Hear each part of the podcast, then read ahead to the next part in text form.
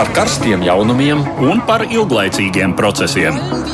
par idejām, par cilvēkiem, par naudu, Un par laiku, par abām mūsu planētas puslodēm. un lietojot abas smadzeņu puslodes. Ēterā raidījums divas puslodes. Ir laiks kārtējam raidījumam, divas puslodes, un tad jāsam mēs Edvards Liniņš un Naidis Tomsons. Ir pienācis atkal laiks palūkoties, kas notiek pasaules lielajā politikā. Bet šis nebūs gluži kārtējais raidījums. Tas krietni atšķirsies no citiem, gan formas, gan satura ziņā.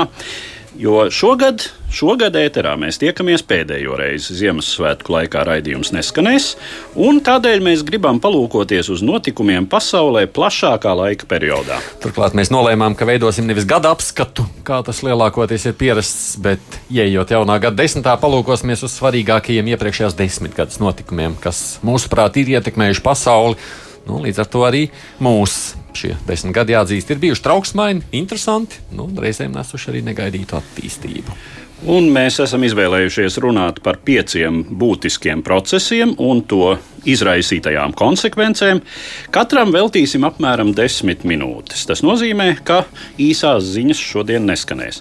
Kopā ar mums studijā notiekošo pārskatīs Latvijas Universitātes politikas zinātnes nodaļas pasniedzēja Sigita Struberga. Labdien! Labdien! Šīs pašas nodaļas studente Sanija Zeiferte Labdien! un ārpolitikas eksperts Rinalds Gulbis. Labdien! Un, lai nevilktu laiku garumā, sākam uzreiz ar pirmo tematu. Vispirms ilustrācijai tāds īsts kopsavilkums.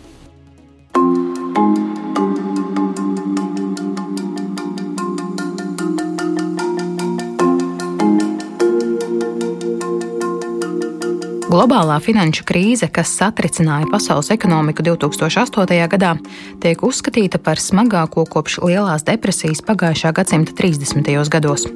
Finanšu institūciju zaudējumu vien bija vairāk nekā 2 triljoni dolāru, kamēr ekonomikas lejupslīde, respektīvi iztrūkstošais pieaugums, tiek lāsts ap 10 triljoniem. 2009. gads kļuva par pirmo vēsturē fiksēto, kad planētas ekonomikas kopapjoms piedzīvoja reālu sarukumu. Krīzes sekas ekonomiski attīstītajās valstīs joprojām nav pilnībā likvidētas. Parāda apjoms pret ekonomikas kopapjomu pārsniedz pirmskrīzes līmeni. Bezdarba rādītāji vairākās valstīs, sevišķi Dienvidē Eiropā, ir augstāki nekā 2007. gadā. Ekonomiski attīstītāko valstu valdības reaģējuši uz krīzi, ieviešot daudz striktākus starptautiskus un nacionāla līmeņa finanšu sfēras kontrolas instrumentus, nozīmīgus taupības pasākums un arī struktūrāls reformas. Tas atstāja neizbēgumu ietekmi uz sociālo situāciju, radot sociālās nevienlīdzības pieaugumu, un tās rezultāts savukārt ir uzticības sarukums politiskajai varai, radikālu un populistisku tendenci pieaugums sabiedrībā. Tikām krīzes joprojām iedragāto pasaules ekonomiku sagaida jauni izaicinājumi - vidas problēmu sācinājums, sabiedrības novecošanās ekonomiski attīstītajās valstīs un tradicionālās ražošanas struktūras radikālas izmaiņas informācijas tehnoloģiju attīstības rezultātā. Faktiski ir pagājuši desmit gadi tātad, kopš tās lielās krīzes, kas skāra ļoti arī Latviju. Jūs pēc kuras valsts visvairāk ir cietušas šajā pasākumā, bija Rinalda? Es domāju, ka bagātākās un attīstītākās. Kāda Latvija bija, piemēram? Eh, Ja godīgi mēs raugāmies uz tiem cipariem pret um, koproduktu un pret iedzīvotāju maksātspēju, Neesam tie nabadzīgākie. Mēs neesam ne? tie nabadzīgākie, un arī tas sitiens mums nebija tas vislielākais. Mēs vēl izgājām salīdzinoši sausām kājām. Kuri te vairāk cieta? Jau minētās Dienvidu Eiropas valstis tomēr bija tās, kuras um, gluži tāpat kā 30. gadu lielajā depresijā aizņēmās daudz, daudz vajadzēja dot maz spēju. Nu, Grieķija vai ne? Mums zināmais stāsts. Grieķija, bet arī Itālija, kuras ekonomika ir eh, varbūt lielāka. eh, Un eh, līdz ar to, un varbūt, eh, nu nevar būt, bet tātad struktūrāli um, citāda nekā Grieķijai. Tur ir vairāk nozara ar lielu pievienoto vērtību, uh, vairāk uh, tehnoloģisku nozaru un tā tālāk. Nu, Grieķijas struktūra uh, tur ir sam, samērā liels uh, lauksaimniecības, turisma īpatsvars. Un šādu ekonomiku, protams, ir salīdzinoši vieglāk iedragāt, bet nu, Itālijai, kā šķiet, tās problēmas ir vēl ilglaicīgākas. Sevišķi uh, budžeta, uh, respektīvi uh, tātad parādu. Uh, un parādu struktūras problēmas, jo tie skaitļi šķiet, ka Itālijai ir joprojām salīdzinoši daudz neatgūstamu parādu. Tur joprojām ir bankas, kas turpina pastāvēt, kuras arī valdība turpina atbalstīt, bet šiem, šīm bankām ir slikti kredīti portfeļi un tā tālāk. Un tā tālāk. Tas, protams, apdraud um, nu, visu eirozonu, ievērojot cik liela proporcionāli ir Itālijas ekonomika. Tā ir joprojām, manuprāt, desmitā vai vienpadsmitā lielākā pasaulē. Es nezinu, Sanī, jūs atceraties krīzes kaut kādas atskaņas? Jā, protams, ir atmiņas. Um, es šeit varu vairāk reflektēt uz iespējams to, ko es varu tagad novērot. Mm -hmm. um, manuprāt, kopumā, ja mēs skatāmies arī uz um, to divu lielāko polu.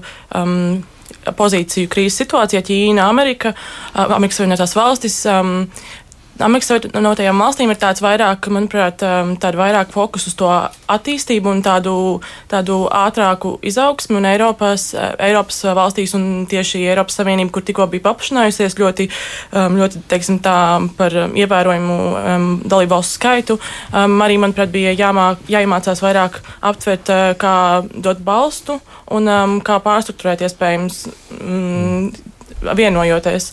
Un, um, un, un jā, tas tāds, tas tāds manas atmiņas. Um, īsti par Latvijas situāciju. Nē, nav, nav vajadzīgs. Jā, jā, jā. Nav vajadzīgs. Šajā reizē nav vajadzīgs. Kā jūs sacītu, Strunbergs kundze, Kāda tā ietekme ir bijusi? Nu, apkopojot uh, visu iepriekš teikto, ir jāsaka, ka jā, tiešām faktiski cieta jau attīstītākās ekonomikas 91 valsts, kas veido divas trešdaļas pasaules kopējās ekonomikas, faktiski arī cieta visvairāk.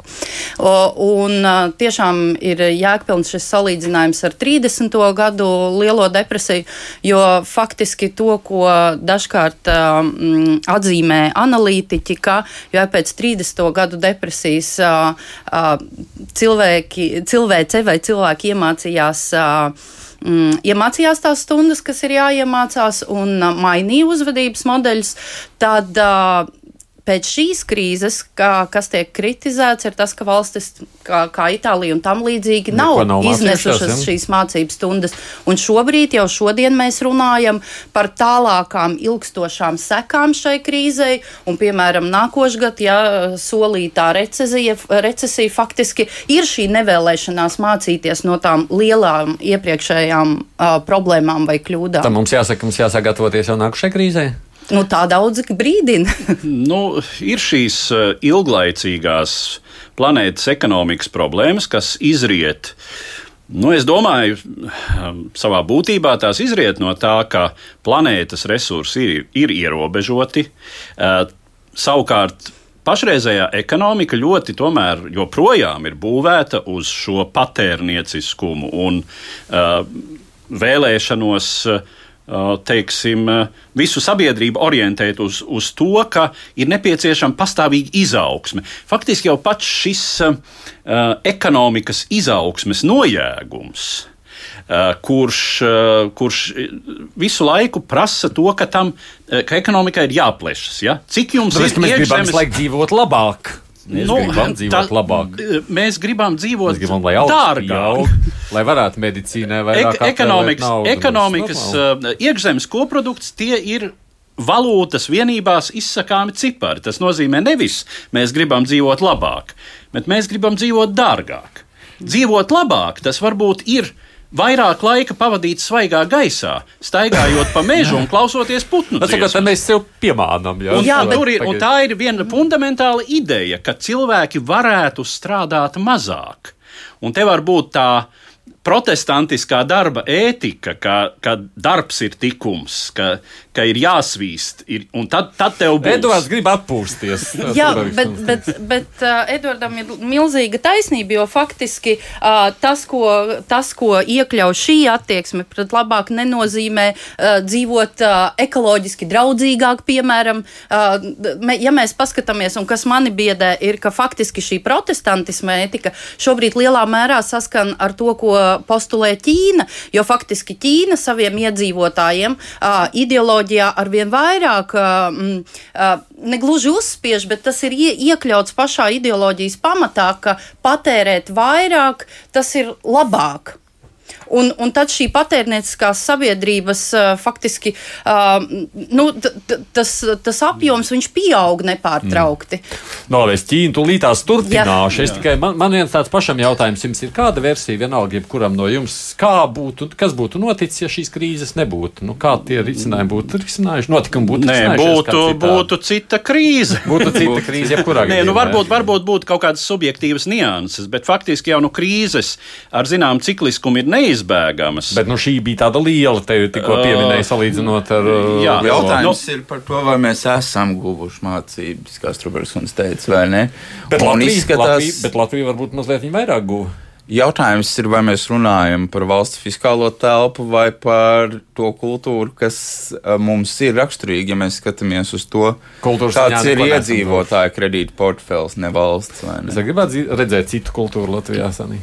Citu kultūru. Nu, kas um, nevis danās, jā, ka vajag vairāk un vairāk. Um, es nu, runājot arī kā, um, reflektējot uz iepriekš teikto, es domāju arī par um, tām perifērijas valstīm, kuras skatās uz Eiropas attīstītajām valstīm, un um, tas patēriņš viņiem ir kā tāds, mē, nu, kā tāds pašmērķis īstenībā. Un um, arī tāda um, nostabilizējas tāda kā imperiāla, imperiāls dzīves stils, kur, um, kur it kā tie nu, galvenie um, punkti šajās perifērijas valstīs, kur tiek ražots, ir patiesībā um, rietumvalstu um, Mm -hmm. īpašums. Un, um, manuprāt, tas arī tādu negatīvu, negatīvu pieskaņu, piekrāsu no mūsu puses dod un tādus impulsus nepareizus. Un, um, runājot kopumā par šo te, tas arī, manuprāt, um, tāds ilgtermiņā um, vai ir gūts kaut kāda, kaut kāda mācība, tas ir grūti tā spriežams, jo katrā laikā ir uh, cita apstākļa. Un arī tagad, ja mēs paskatāmies, nu, uh, kādi būs tie rezultāti no tik ļoti teikt, pārstātināta kapitālisma, ja, ja pēkšņi, nezinu, arvien straujāk mainās temperatūras, tad var ciest lauksaimniecība, mežsaimniecība, viss pārējās joms. Un, vai jautājums ir, um, cik ļoti var mācīties no iepriekšējā periodā. Mēs par šo jautājumu runāsim pēc simts gadiem, tad, kad būs tāds simtgadus apskats. Tad, bet, tad turpināsim. Ķīnu par Ķīnu turpināsim augt, jo kamēr Eiropa un ASV cīnījās ar krīzi, īstenībā jau Ķīna turpināja augt un audzēt savus resursus, un par to turpinām.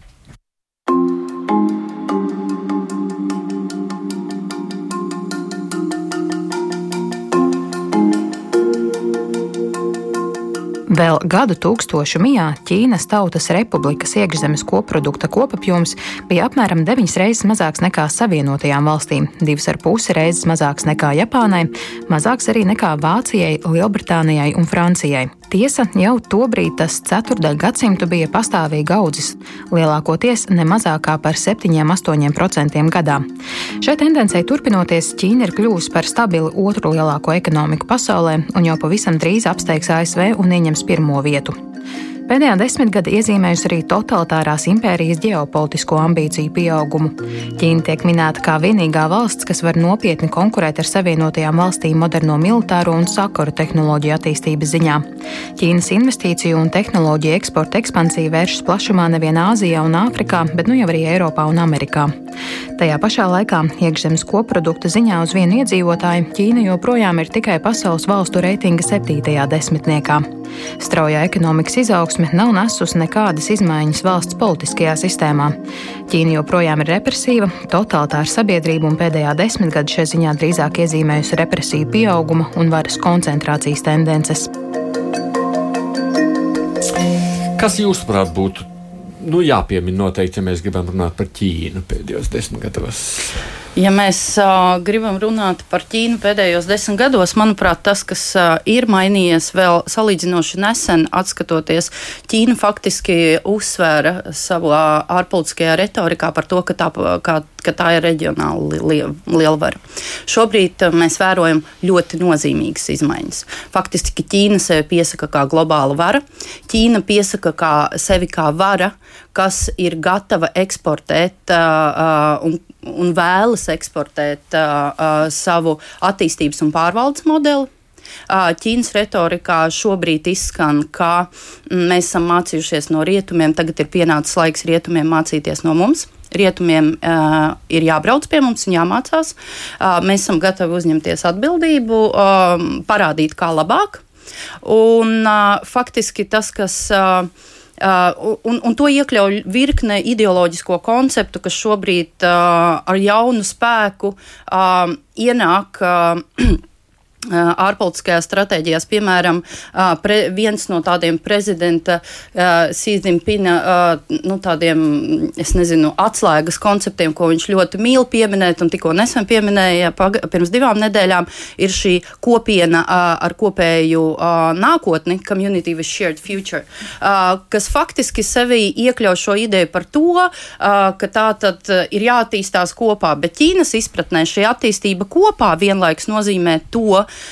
ka uh, saskaņā ar viņu pieeju orientālajā pasaulē vienmēr ir bijusi kāda valsts centrā. Uzminiet, kura valsts tad ir centrā šajā izpratnē, ja, un kurām ir jāmācās no, šī, no šīs valsts centrā.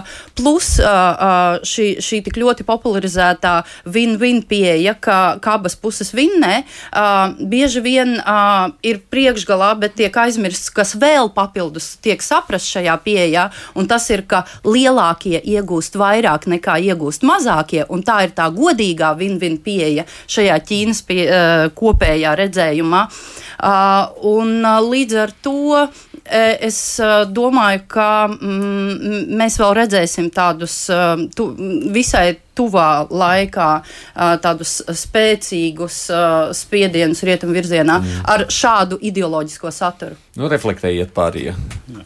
Tas ir tāds interesants jautājums par to, vai, jo, jo līdz šim mums ir bijusi, bijis priekšstats, ka ekonomikas attīstība ir iespējama tur, kur ir demokrātija, kur ir tiesiskums kur ir pēc rietumu liberālā modeļa organizēta sabiedrība. Līdz šim pieredze to vairāk vai mazāk ir apliecinājusi. Nu, vairāk vai mazāk. Labi, ir zināmi, zināmi izņēmumi, nu, piemēram, Pinočeta laikā Čīle uh, bija, uh, nu, Čīle vienmēr ir bijusi salīdzinoši attīstīta no Dienvidamerikas valstīm, bet Pinočeta laikā tā kļuva te par ekonomiski visstabilāko uh, sabiedrību Dienvidamerikā.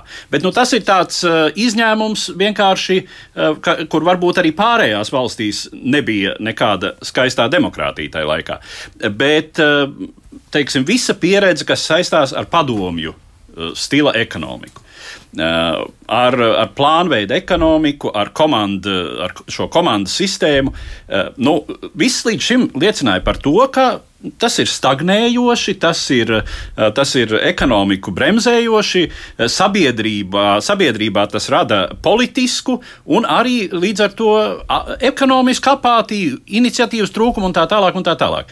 Nu, Ķīna šobrīd uzdod pasaulē un pasaules vēsturiskai pieredzē lielo jautājumu, vai tomēr var būt sabiedrība, kas nav demokrātiska, Eh, kas balstās pavisam citās um, attiecībās nekā uh, liberālās uh, rietumu demokrātijas, un tomēr var būt ekonomiski veiksmīgi. Bet te es gribētu uzsvērt to, Ķīna pagaidām ir starp 60. un 70. pozīciju iedzīvotāju, uh, iekšzemes koproduktā uz vienu iedzīvotāju.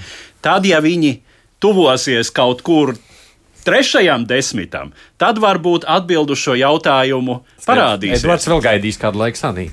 Jā. Nu, um, manuprāt, Ķīna vispār ir ļoti interesants gadījums arī skatoties uz tām reformām, kuras notika sākot no 70. gadu beigām.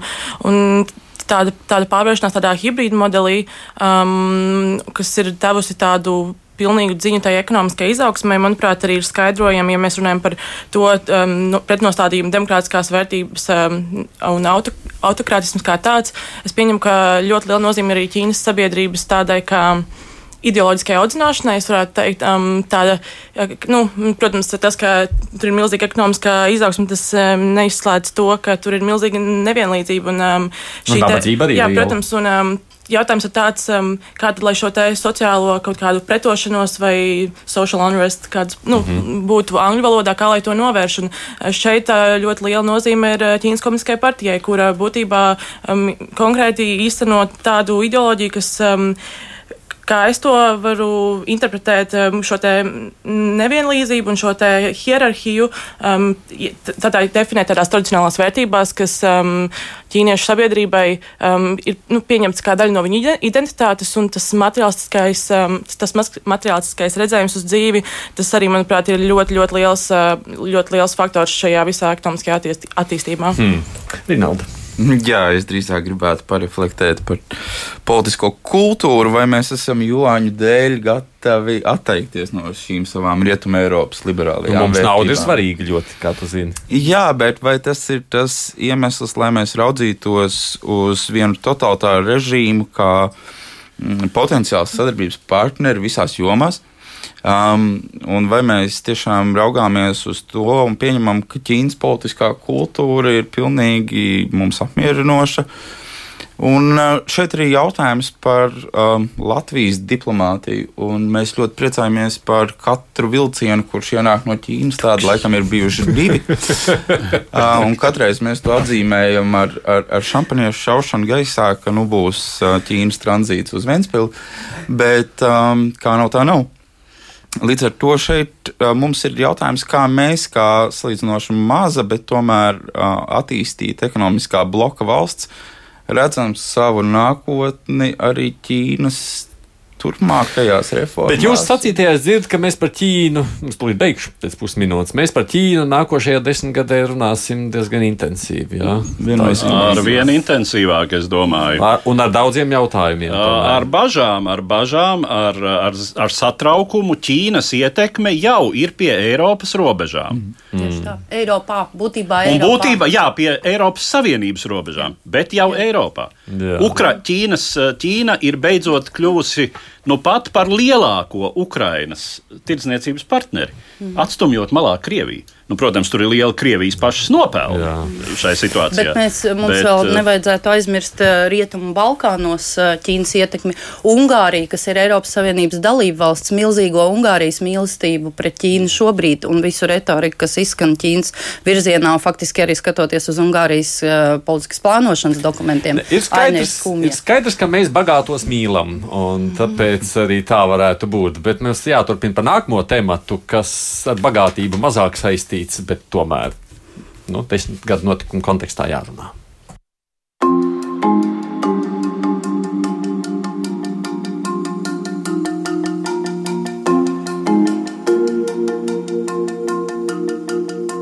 Plaša nemieru un protestu kustība, kas aizsākās ar revolūciju Tunisijā 2010. gada decembrī un strauji pārņēma daudzas islāma pasaules valstis, ieguva Arābu pavasara nosaukumu.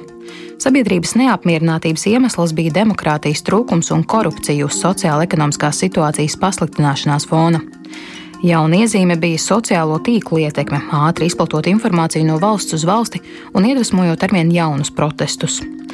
Tādās valstīs kā Sīrija, Lībija, Irāka un Jemena konflikts starp varu un daļu sabiedrības pārauga pilsoņu karos, kuros cīnījās nevien līdzinājās elites atbalstītāji un demokrātiski tendēti režīmu pretinieki, bet arī reliģiskas un etniskas grupas ar dažādiem mērķiem un ievirzēm, tā skaitā radikāli islāmiski teroristiski grupējumi. Sākotnējā brīvās pasaules jūsma par arābu pavasari kā demokratizējošu un pretkorupcijas vērstu kustību ātri noplaka. Sevišķi ilglaicīgs un asiņains pilsoņu karš ar plašu ārvalstu intervenciju uzliesmoja Sīrijā. Tas turpinās joprojām, lai arī šobrīd šķiet visai ticami, ka prezidenta Bašara Lasada režīms tajā ir uzvarējis. Tiek lēsts, ka konflikts prasījis ne mazāk kā 370 tūkstoši dzīvību, tā skaitā nogalināt vairāk nekā 115 tūkstoši civiliedzīvotāju. Apmēram 13 miljoni, jeb vairāk nekā 61% valsts iedzīvotāji, ir bijuši spiesti pamest savas dzīvesvietas, tā skaitā vairāk nekā 5 miljoni pametuši valsti.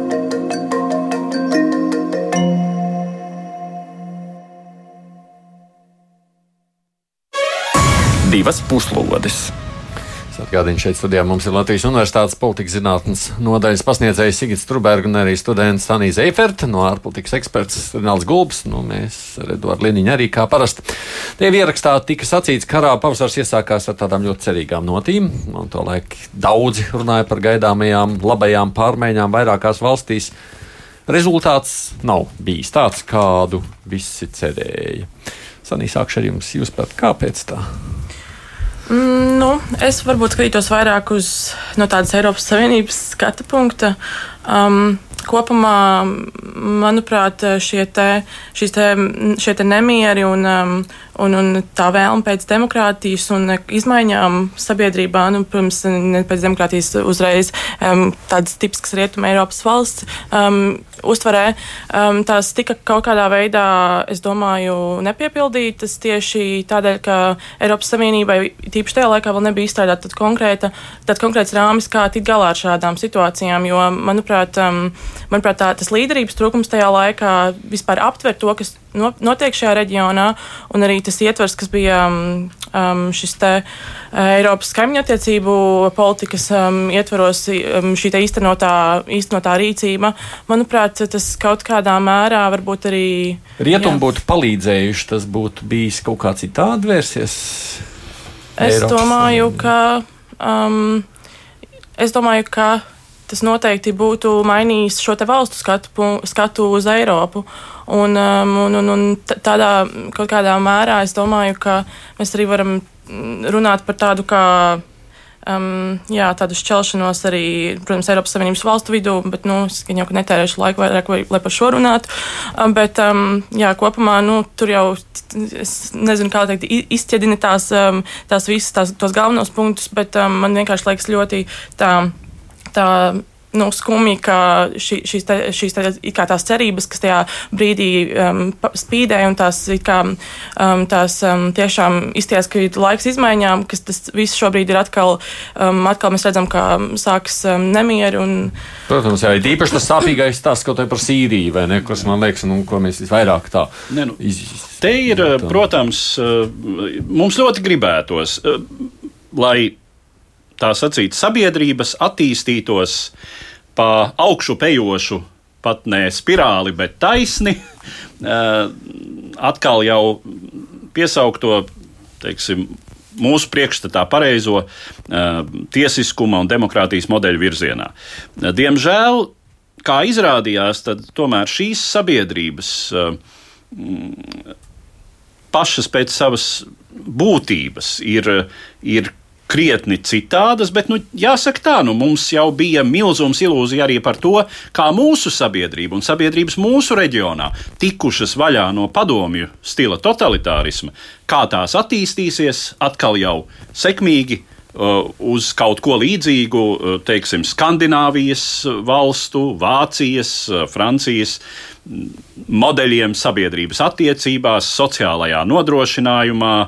Un attīstās jau, bet atkal ne pa taisnu un plašu ceļu. Eh, un runājot par šīm, šīm sabiedrībām tuvajos austrumos, nu, izrādījās, ka, eh, izrādījās, ka šais sabiedrībās ir ļoti lielas grupas, kuras, eh, kurām ir pavisam citas intereses kurām ir pavisam cits skatījums, vai, vai nu tās ir grupas, kuras atbalsta tomēr ļoti lielā mērā pastāvošo kārtību, uh, ar šiem nedemokrātiskajiem režīmiem eh, priekšgalā, eh, vai tās ir teiksim, radikālākas grupas, kuras redz tur uh, islāma kalifātu šais teritorijās.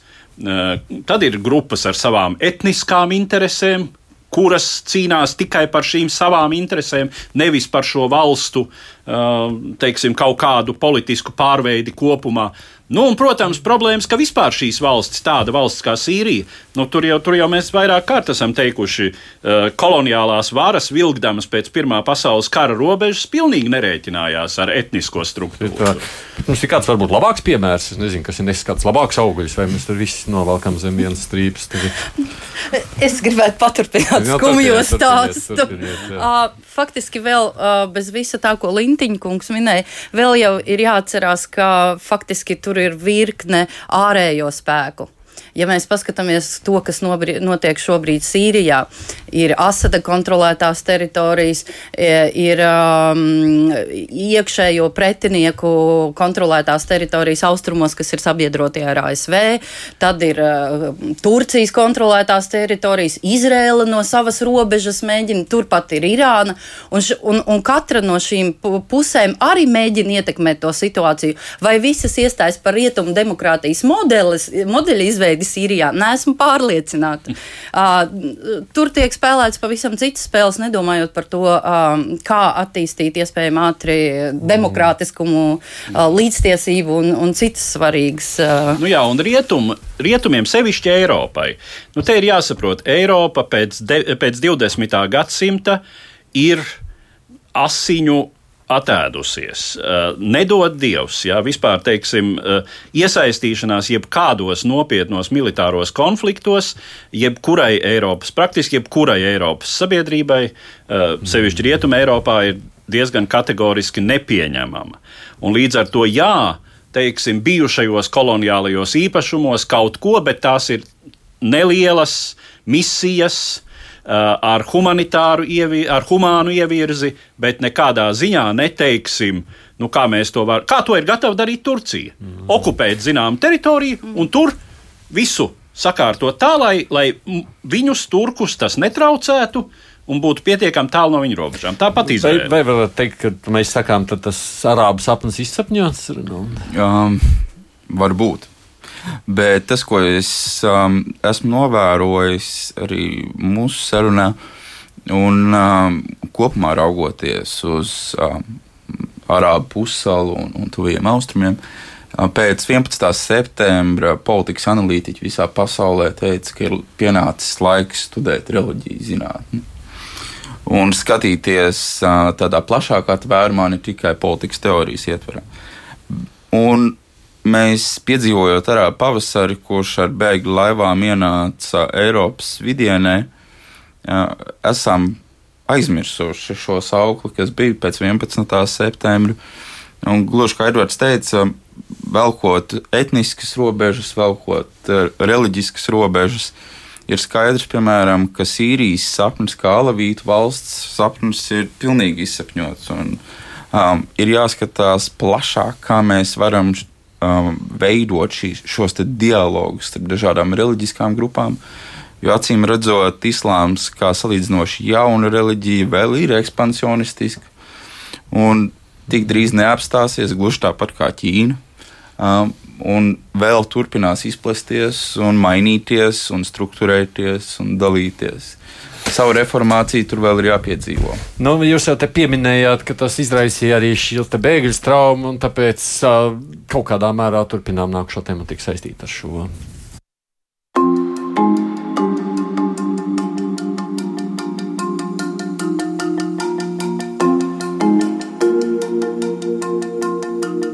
Pirmā desmitgada jaunajā gadu tūkstotī bija Eiropas Savienības nepieredzēts izaugsmes laiks. 2004. gadā Savienībai pievienojās desmit jaunas dalību valstis, lielākoties bijušās Padomju Savienības satelīta valsts un Padomju republikas. 2007. gadā noslēgtais Lisabonas līgums konsolidēja Savienības organizatorisko struktūru, padarot to līdzīgāku federālas valsts varas mehānismam. Tobrīd tika izteikts versijas par tālāku politisko integrāciju, kā arī jaunu dalību valstu, bijušo Dienvidslāvijas republiku, Ukrainas, varbūt arī Turcijas, drīzu uzņemšanu.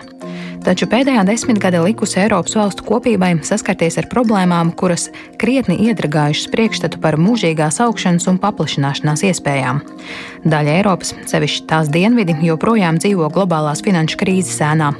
Situācijas destabilizēšanās tuvajos austrumos un Lībijā izraisīja nekontrolētu migrācijas plūsmu 2015. gada migrantu krīzi. Šie procesi veicināja tradicionālo politisko spēku ietekmes mazināšanos, radikālismu un populismu pieaugumu.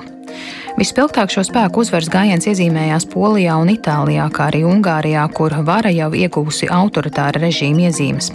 Tomēr vissmagākais trieciens Eiropas Savienībai bija Lielbritānijas vēlētāju lēmums par izstāšanos, jeb Brexitu, kas pēc pāris mokošiem gadiem tuvojas īstenojumam.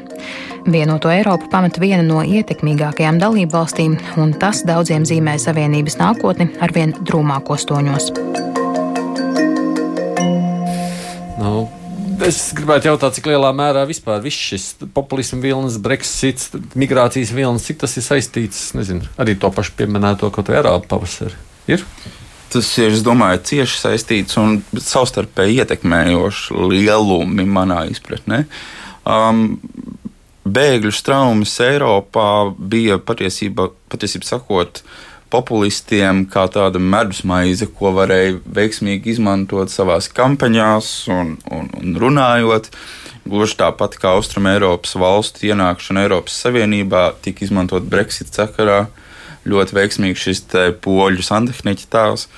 Un, bet bēgļu traumas jau zināmā mērā mums parādīja to, kāda tad ir Eiropas šī līdzjūtīgā, liberālā un demokrātiskā seja.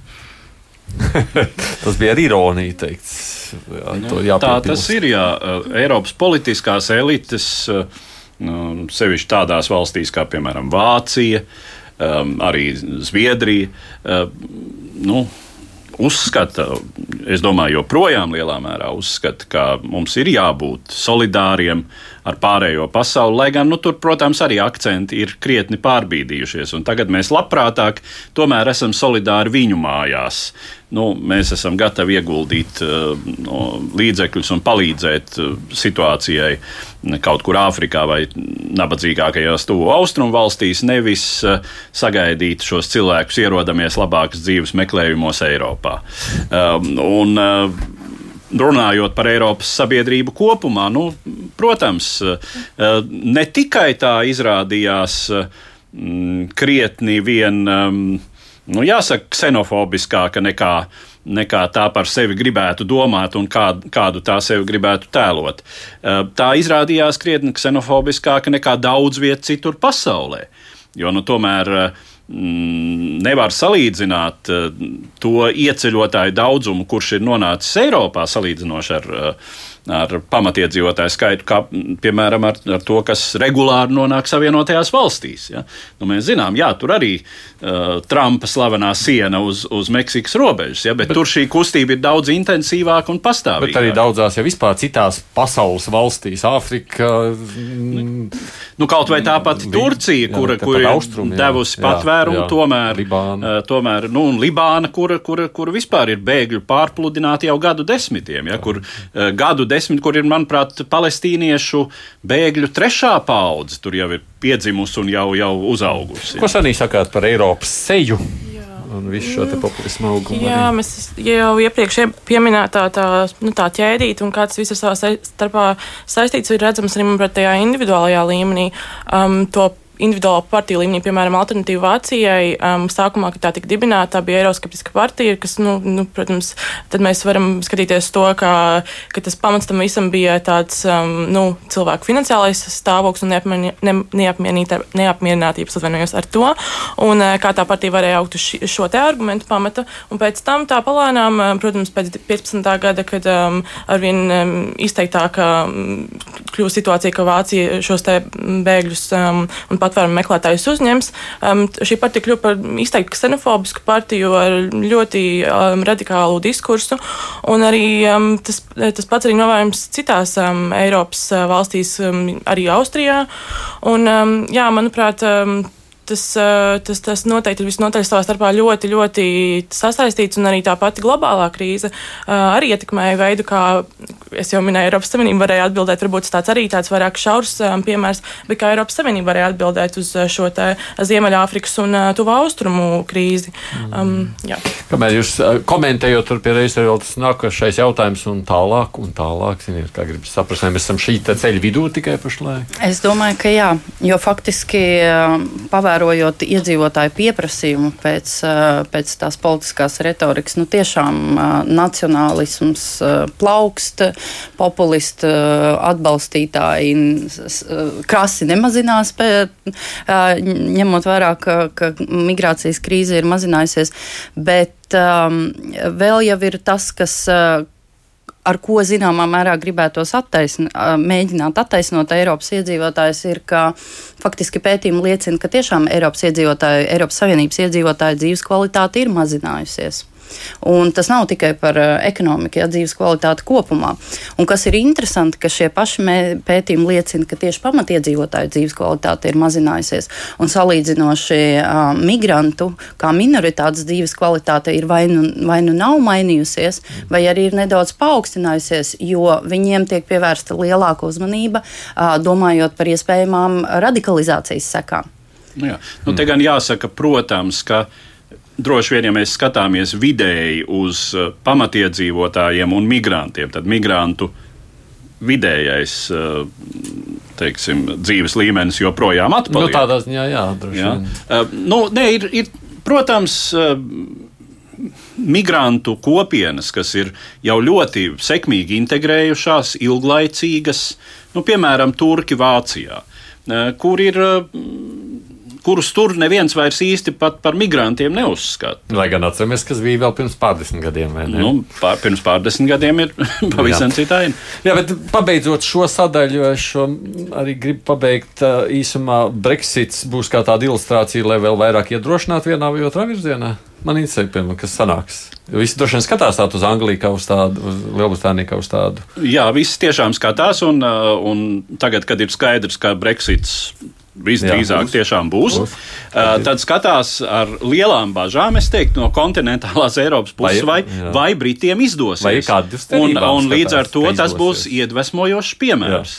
Uh, Jo kā burtiski aizvakar Eiropas parlamentā es intervēju vienu britu konservatīvo deputātu, nu, tā sacīt, uz atvadām, un viņš teica tā, nu, šobrīd ir citi planētas reģioni, kas attīstās daudz straujāk nekā Eiropa. Uh, un ar šiem reģioniem mums ir tradicionāli vēsturiskas saites ar daudziem no šiem reģioniem.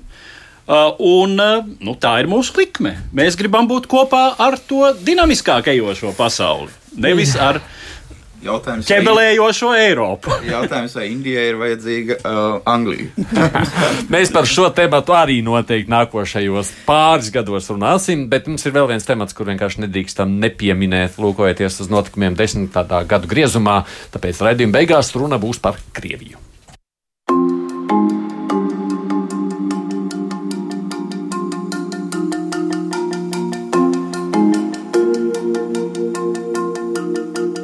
2012. gadā pēc četru gadu pauzes savā amatā atgriezās Krievijas prezidents Vladimirs Putins. Atgriešanos iezīmēja plaši sabiedrības protesti pret pārkāpumiem un manipulācijām vēlēšanu procesā, pret arvien lielāko varas koncentrāciju Putina, viņa līdzgaitnieku loka un varas partijas vienotā Krievija rokās. Tomēr Krievijas sabiedrības lielākā daļa acīm redzami atbalstīja autoritāri tendēto līderi, saskatot viņā stabilitātes un valsts varenības atjaunošanas garantu. Gluži ekstātisku līmeni šis atbalsts sasniedza 2014. gadā, kad Krievija, nevēloties pieļaut Ukrainas tuvināšanos Eiropas Savienībai, uzsāka pret kaimiņu valsti agresiju, anektējot Krīmu un izraisot bruņotu konfliktu Donbasā. Motīvi par ceļos nospiestās Krievijas piecelšanos un gatavību konfrontēt ar rietumiem uzrauga prezidenta Putina reitingus te līdz 80% robežai. Krievija patiešām pēdējos gados vairāk kārt izaicinājusi rietumus gan ar atentātiem pret emigrējušiem režīmu nedraugiem Eiropā, gan demokrātijas procesu ietekmēšanu. Krievijas propagandas kanāli regulāri izplata nepatiesu, apmelojošu un provokatīvu informāciju. Tajā pašā laikā iekšēji Putina režīms kļuvis arvien represīvāks, skarbi vēršoties pret teju ikvienu pretestības izpausmi. Jūsuprāt, šie notikumi par Krievijas virzību, kādi viņi bijuši pēdējos gados, uh, desmit, uh, bija prognozējami vai varēja arī tomēr tādi nebūt? Stubaraks kundze. Manuprāt, eh, tas bija visai prognozējami. Diemžēl uh, problēma bija uh, tajā, ka rietumi saulēcīgi, manuprāt, nespēja nolasīt, jo Krievija jau nekad, Krievijai nekad nav bijis, um, varbūt tas diskurs ir bijis nedaudz um, netik skaļš, bet faktiski Krievija nekad līdz galam nav, nav teikusi par to, ka tā noteikti kļūs par uh, absolūti līdzīgu rietumiem. Uh, un, un, un vēl jau vairāk 2008. gada Grūzijas karš uh, un tik ļoti, tik ļoti īsais periods, ka, uh, kad rietumi faktiski atgriezās pie tāda biznesa as usual. Attiecībās ar Krieviju bija skaidrs signāls Krievijai, ka Krievija var virzīties tālāk, un tad mēs saņēmām Ukrainu. Un faktiski šobrīd jau mēs redzam, ka, vi, ka viss, ka, ka tā izpratne, kā redz Krievijas starptautisko vidi, ir tāda, ka rietumi, uh, rietumu vērtības, rietumu izpratne par pasaules kārtību ir pretējas arī Krievijas interesēm. Mm. Uh, un līdz ar to uh, gaidīt gaidīt kaut ko pozitīvu no šī visa nevajadzētu. Un vēl viena lieta, kas, kas man šķiet ir svarīga, ka turpinot šo nu, tādu apcerīgo vēlmju pirmu, pilno domāšanu, rietumi tagad uh, ir pasākuši runāt par Krieviju pēc Putina, kas nu, tagad iestāsies labāka pasaule. Bet faktiski, ja mēs paskatāmies uz iedzīvotāju attieksmēm kopumā, pirmkārt, Krievijā ir prasība pēc šāda līdera iedzīvotāju vidū. Uh, Otkārt, uh, jāsaka, ka tā jaunā paudze, kas ir uh, izaugusi jaunā diplomāta paudze, uh, šī, pa, uh, šī paudze neskatās rietumu virzienā, kā kā draugu virzienā. Šī paudze skatās Eirāzijas virzienā. Un šī paudze, um, šai paudzei nav raksturīgi tie sentimenti, kas bija vecākai paudzei, un šī paudze ir tādā uh, realismā, racionālismā mm. balstīta paudze, kas domā par, par, par draugiem Ķīnā, draugiem Eirāzijā, draugiem uh, kādos autoritāros režīmos. Līdz ar to nekādu pozitīvo noti šeit laikam nevar redzēt ieskanoties. Rinalda. Jā, piekritīs. Jā, un es domāju, ja mēs raugāmies uz Krievijas attīstību pēdējos desmit gados,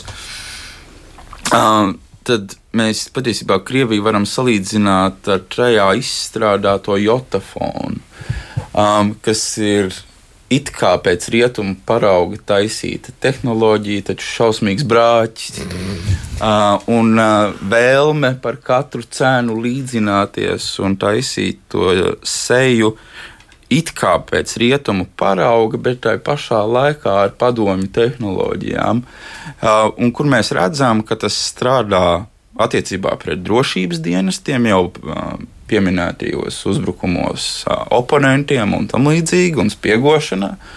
Un otra lieta, kur strādā padomju tehnoloģijas, ir propagandas metodes, kas ir labi atstrādātas jau no VDK laikiem, un pēc tam pārmantotas arī visās pārējās drošības dienas struktūrās. Ja mēs runājam par citiem veiksmes stāstiem Krievijā pēdējos desmit gados, tad tādu īsti nav. Um, Krimnašs nu, diez vai um, tas ir patiesībā sakot, vēl viens tāds liels akmens kaklā Krievijas jau tā nepārāk labajai budžeta situācijai. Gluži tāpat kā Abhāzija un Dienvidosetija un Piedņestra un tā tālāk, mēs šo varam mēģināt pārskaitīt visas teritorijas, kur Krievija uztur Um, tikai tāpēc, lai tas būtu kā tāds ķīlis vai nu pret Eiropas Savienību, vai pret NATO, vai pret Rietumiem kopumā. Bet uh, Krievijai īsti nav veicies pašas attīstībā, iekšzemes koprodukts bremzē, ekonomika stagnē. Un uh, vienīgais veiksmes stāsts, varbūt, kas ir, ir nu, jau savu zemju izpārdošana ķīniešiem. Uh, Un, uh, gluži kā pirms 15 gadiem teica uh, kādreizējais saimnes deputāts Jakovs Plinērs, viņš teica, Krievi nav jūsu draugs, jūsu draugs ir ķīnieši. Aha, Krievi nav ķīnieši tādā ziņā skatoties, nu, Sanī vispirms. Nu, manuprāt, jau eksperti ieskicēja tās, tās teiksim, tā galvenās um, tās attīstības pēd, nu, pēdējo to desmit gadu laikā, bet um, man, man vienmēr tā, es vēlos domāt par to, kas. Um, Krievijas kontekstā tieši kādas ir tās sadarbības perspektīvas un kā ar šādu neprognozējumu teikt, teiksim, tā, um, dalībnieku starptautiskajā sistēmā vispār var. Um, um, netikt galā, sadzīvot. sadzīvot jā. Un um, arī nu, pēdējā laikā novērojumā Francijas, Vācijas īpaši šī kaut kādas jau um, kaut kāda citādāka veida dialoga vešana. Nu, jā, cik es arī um, cik es lasu tās analīzes, tas arī. Nu, Tā nu, tiešām tā, tā citreiz liekas, ka nu, ko, var, ko var gaidīt, ja tas partners ir tik neparedzējams. Un, un, un, un, jā, nu. Eduards. Jā, nu tas, protams, ir skumjš stāsts. Uh, un uh, es tiešām arī šaubos, vai rietumi varēja kaut ko šai situācijā izdarīt tādu, lai tas tā neattīstītos. Mm, jo, nu, kā izrādās, šī sabiedrība Bet faktiski jau jebkura sabiedrība, vēsturiski, ja mēs skatāmies uz to, kas ir noticis tajā pašā Eiropā, ļoti lēnām un grūti pieņem gan sabiedrību kopumā, gan katrs tās loceklis savu atbildību primāri par, par notiekošo, par procesu, par savas valsts likteni. Un tā ir tā fundamentālā problēma, ka Krievijā eh, joprojām attieksme ir tāda, ka vainīgs vienmēr ir kāds cits. Eh, Kā mēs esam eh, cīnījušies ļoti smagā karā, un tagad mums negrib atzīt mūsu nopelnus, un mums ir atņēmuši to, ko mēs tajā karā ieguvām, nu, tā skaitā, teiksim, Baltijas valstis, kas bija mūsu tiesības un īpašums un, uh, un vēsturiski tā sacīt, zemes, pār kurām ir lijušas mūsu senču tēvu, vectēvu asinis, ģidi vai vaļi. Un uh, mums tur ir visas tiesības, ja? vai vismaz tiesības tur diktēt savus noteikumus. Ja? Uh, un tā tālāk, un tā tālāk. Un kamēr sabiedrībā uh, dominē šāds noskaņojums, Bet tas, ko es jau teicu, tāds pats noskaņojums dominēja Vācijā pirms 80 gadiem. Eh, Sabiedrību no tā nobīdīt nost ir, ir ļoti grūti. Tur ir vajadzīgs smags un ilgs pāraudzināšanas process. Bet mums tā interese, piemēram, būs par to, kas notiks tagad, kad Putina laiks beigsies. Ne? Mūsu Būs interese primāri būs par to, lai nebūtu vēl sliktāk. Lai, teiksim, Putina vietā nenāktu kāds, piemēram, Ragozins, lai tas būtu varbūt tikai Šoigu ja? vai Medvedevs. Bet, bet, eh, Medvedevs, bet, bet nevis, nevis teiksim, kāds reāls vanaks, eh, kurš tiešām var, eh, var pasākt kādu nu, reālu militāru politisku avantūru. Tur, teiksim, kaut kādas in- indēšanas ar Poloniju, tad, tad šķitīs maiga vēja žūžošana. Ja? Tiešām uzmetīs. Nu, Nu, Ponta pēc, teiksim, lai parādītu zobus, nu, uzmetīs jēlga vai nelielu atomu. Izklausās, ka mēs grasāmies pabeigt ar ārkārtīgi optimistisku skatu nākotnē, ne? ņemot vērā, ka Krievija blakus mums ir Nē, un, un šeit vēl pašu pēdējā minūtē piebilstot, ir tas, ka, uh, ka rietumi pārēķinājās ar Putinu. Jā. Viņi domāja, ka Putins ir prognozējams un labāk Putins nekā varbūt kāds cits.